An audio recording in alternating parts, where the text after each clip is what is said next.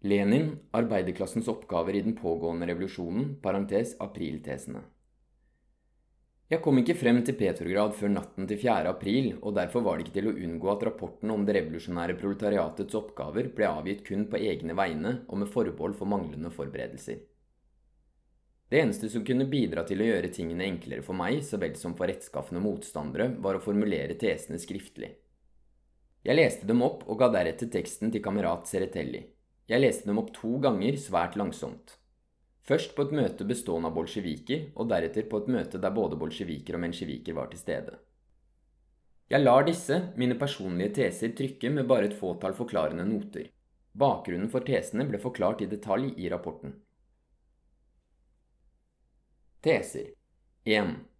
Når det gjelder vårt standpunkt i krigen som under Lvov og Kos nye regjering fortsatt for Russlands vedkommende av regjeringens kapitalistiske karakter er en del av en imperialistisk røverkrig, er det ikke aktuelt å gi selv den minste innrømmelse til ideen om revolusjonær forsvarskrig, klamparentes revolusjonær defensisme, klamparentes slutt. Det klassebevisste proletariatet kan gi sitt samtykke til en revolusjonær krig, og bare en slik krig vil kunne forsvare revolusjonær defensisme utelukkende dersom a. makten overlates i hendene på proletariatet og deres allierte blant de fattigste delene av bondeklassen, b. alle anneksjoner avstås i handling og ikke bare i ord, C. Det tas et virkelig og faktisk oppgjør med enhver kapitalistisk interesse.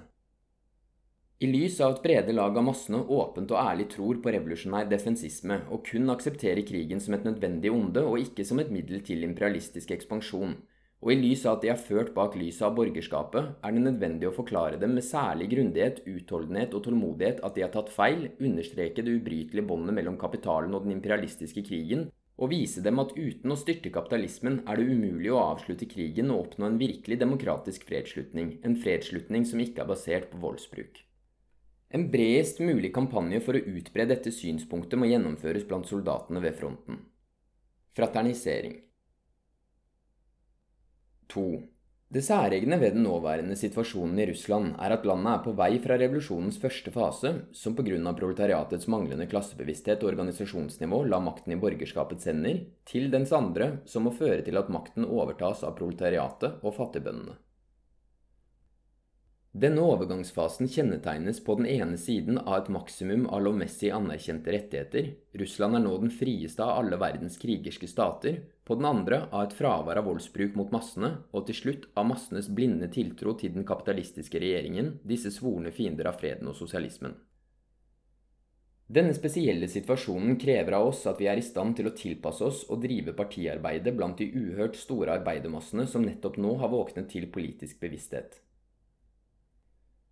3. Ingen støtte til den provisoriske regjeringen. Den grove falskheten i alle deres løfter må gjøres klart, særlig hva angår de løfter som handler om å gi avkall på annekterte områder. Avsløring i stedet for det utillatelige, illusjonsskapende kravet om at denne regjeringen, en regjering av kapitalister, skal slutte med å være en imperialistisk regjering. 4. Aksept av det faktum at vårt parti i de fleste arbeiderrådene er i mindretall, så langt et lite mindretall i motsetning til blokken av alle småborgerlige og opportunistiske elementer fra folkesosialistene, klamparentes sosialkadettene, klamparentes slutt, og de sosialrevolusjonære ned til organisasjonskomiteen, parentes Schidseth, Seretelli osv., parentes slutt, Stekloff etc., etc., som er gitt etter for borgerskapets innflytelse og utbredt det samme blant arbeiderklassen. Vi må få massene til å innse at arbeiderrådene er den eneste mulige form for revolusjonært styre, og derfor må vår oppgave være, så lenge dette styret underlegger seg borgerskapets innflytelse, å klargjøre på tålmodig, systematisk og pågående vis argumentene for at de har valgt feil taktikk, argumenter som i særlig grad er tilpasset massenes praktiske behov. Så lenge som vi er i mindretall, må vi kritisere og avsløre feil, samtidig som vi argumenterer for nødvendigheten av å overføre hele den politiske makten til arbeiderrådene, slik at folket gjennom erfaring kan overkomme sine feil. 5. Ikke en parlamentarisk republikk. Å vende arbeiderrådene ryggen for en parlamentarisk republikk ville være å gå i feil retning, men en republikk av arbeider, landarbeider og bondesovjeter over hele landet, fra øverst til nederst. Oppløsning av politiet, hæren og byråkratiet. Note, vil si at den stående hæren erstattes av en allmenn folkevæpning. Note slutt. Lønningene til alle folkets representanter, som må være valgbare og utskiftbare til enhver tid, skal ikke overskride gjennomsnittslønnen til en fagarbeider. 6. Tyngdepunktet i agrarprogrammet flyttes til landarbeidersovjetene. Konfiskering av alle godseiendommer. Nasjonalisering av all jordeiendom i landet. Jorden stilles til de lokale jordarbeidere og bondesovjetenes disposisjon. Organisering av egne sovjeter for fattigbønder. Etablering av et mønsterbruk på hvert av de store godsene, parentes med et omfang som varierer fra 100 til 300 desiatiner, avhengig av lokale og andre forhold, samt de lokale beslutningsorganenes vedtak, parentes slutt. Under kontroll av landarbeiderrådene og for det offentliges regning.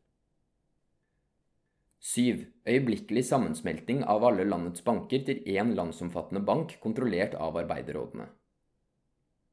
8. Det er ikke vår umiddelbare oppgave å innføre sosialismen, men kun å legge samfunnets produksjon og vareutveksling under arbeiderrådenes kontroll. 9. Partiets oppgaver A. Det må straks innkalles til en partikongress. B. Partiprogrammet må endres på følgende punkter. 1. Spørsmål om imperialismen og den imperialistiske krigen. 2. Vår holdning til staten og vårt krav om en kommunestat, note, dvs. Si en stat av samme type som Paris-kommunen, note slutt. 3. Rettelser i vårt utdaterte minimumsprogram. C. Endring av partinavnet. Note. I stedet for sosialdemokrati, hvis offisielle ledere verden over har forrådt sosialismen og gått over til borgerskapet, parentes defensistene og de vaklende kautskistene, parentes slutt, må vi kalle oss selv for et kommunistisk parti. Note slutt. 10. En ny internasjonale.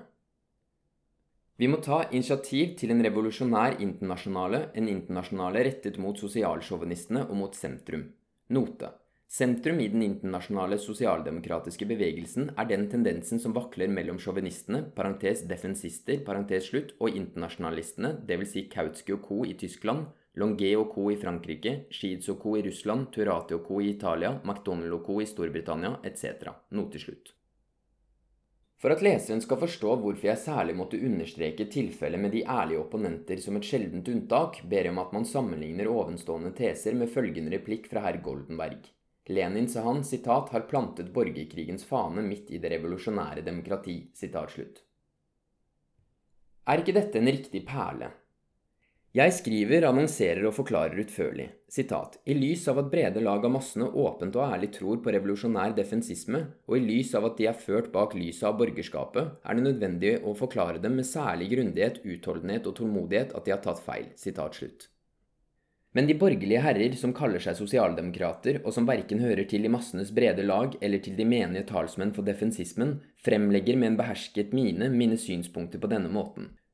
Sitat, borgerkrigens fane, sitat slutt. Parentes, om borgerkrig var det ikke et eneste ord verken i tesen eller i min tale, parentes slutt. Sitat, har blitt plantet, parentes utropstegn, parentes slutt, midt i, parentes utropstegn, utropstegn, parentes slutt, det revolusjonære demokrati, sitat slutt.